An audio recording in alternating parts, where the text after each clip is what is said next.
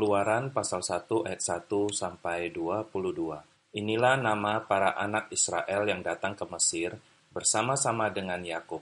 Mereka datang dengan keluarganya masing-masing. Ruben, Simeon, Lewi, dan Yehuda. Isakar, Zebulon, dan Benyamin. Dan serta Naftali, Gad, dan Asher. Seluruh keturunan yang diperoleh Yakub berjumlah 70 jiwa. Tetapi Yusuf telah ada di Mesir. Kemudian matilah Yusuf serta semua saudara-saudaranya dan semua orang yang seangkatan dengan dia. Orang-orang Israel beranak cucu dan tak terbilang jumlahnya. Mereka bertambah banyak dan dengan dahsyat berlipat ganda, sehingga negeri itu dipenuhi mereka. Kemudian bangkitlah seorang raja baru memerintah tanah Mesir, yang tidak mengenal Yusuf. Berkatalah raja itu kepada rakyatnya, Bangsa Israel itu sangat banyak dan lebih besar jumlahnya daripada kita marilah kita bertindak dengan bijaksana terhadap mereka, supaya mereka jangan bertambah banyak lagi, dan jika terjadi peperangan, jangan bersekutu nanti dengan musuh kita dan memerangi kita. Lalu pergi dari negeri ini. Sebab itu pengawas-pengawas Rodi ditempatkan atas mereka untuk menindas mereka dengan kerja paksa. Mereka harus mendirikan bagi Firaun kota-kota perbekalan, yakni Pitom dan Raamses tetapi makin ditindas, makin bertambah banyak dan berkembang mereka, sehingga orang merasa takut kepada orang Israel itu. Lalu dengan kejam orang Mesir memaksa orang Israel bekerja dan memahitkan hidup mereka dengan pekerjaan yang berat, yaitu mengerjakan tanah liat dan batu bata, dan berbagai-bagai pekerjaan di padang. Ya, segala pekerjaan yang dengan kejam dipaksakan orang Mesir kepada mereka itu.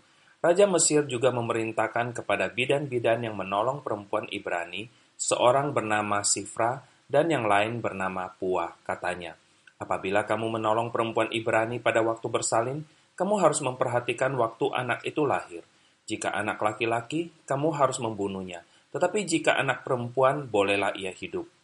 Tetapi bidan-bidan itu takut akan Allah dan tidak melakukan seperti yang dikatakan Raja Mesir kepada mereka, dan membiarkan bayi-bayi itu hidup. Lalu Raja Mesir memanggil bidan-bidan itu dan bertanya kepada mereka, Mengapakah kamu berbuat demikian membiarkan hidup bayi-bayi itu? Jawab bidan-bidan itu kepada Firaun. Sebab perempuan Ibrani tidak sama dengan perempuan Mesir, melainkan mereka kuat. Sebelum bidan datang, mereka telah bersalin. Maka Allah berbuat baik kepada bidan-bidan itu. Bertambah banyaklah bangsa itu dan sangat berlipat ganda. Dan karena bidan-bidan itu takut akan Allah, maka ia membuat mereka berumah tangga Lalu Firaun memberi perintah kepada seluruh rakyatnya, lemparkanlah segala anak laki-laki yang lahir bagi orang Ibrani ke dalam sungai Nil, tetapi segala anak perempuan biarkanlah hidup. Sahabat, kitab keluaran dimulai dengan pernyataan, jumlah mereka bertambah banyak dan seluruh negeri itu dipenuhi mereka. Dan bangkitlah seorang raja yang tidak mengenal Yusuf. Penggenapan firman Tuhan kepada Abraham bersamaan digenapi yang pertama, keturunan Abraham seperti bintang di langit dan pasir di lautan. Yang kedua, mereka akan menjadi budak, dan di sinilah kehidupan sebagai budak, ditindas dan dianiaya itu dimulai. Raja yang tidak mengenal Yusuf, mungkin bukan tidak mengenal Yusuf, tetapi tidak mau mengakui Yusuf sebagai orang yang berjasa bagi Mesir.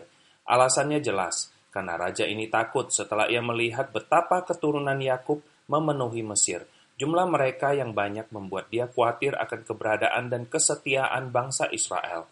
Maka ia melakukan penindasan dan menjadikan bangsa Israel sebagai budak untuk membangun Mesir. Bahkan, raja ini melakukan pembunuhan terhadap bayi laki-laki yang baru lahir. Tetapi pemeliharaan Tuhan tetap dan tidak bergeser. Dia bisa menggunakan siapa saja untuk menyelamatkan umat pilihannya. Sahabat, demikian juga di dalam kehidupan kita Mungkin kita berpikir bahwa permasalahan kita sangat besar, pergumulan kita sangat berat, penderitaan tidak berhenti. Dalam keadaan demikian, keteguhan iman adalah kuncinya. Iman kepada Yesus Kristus bahwa Dia adalah jawaban dari segala pergumulan dan permasalahan kita. Hanya iman, dan iman itu akan menyelamatkan kita. Amin.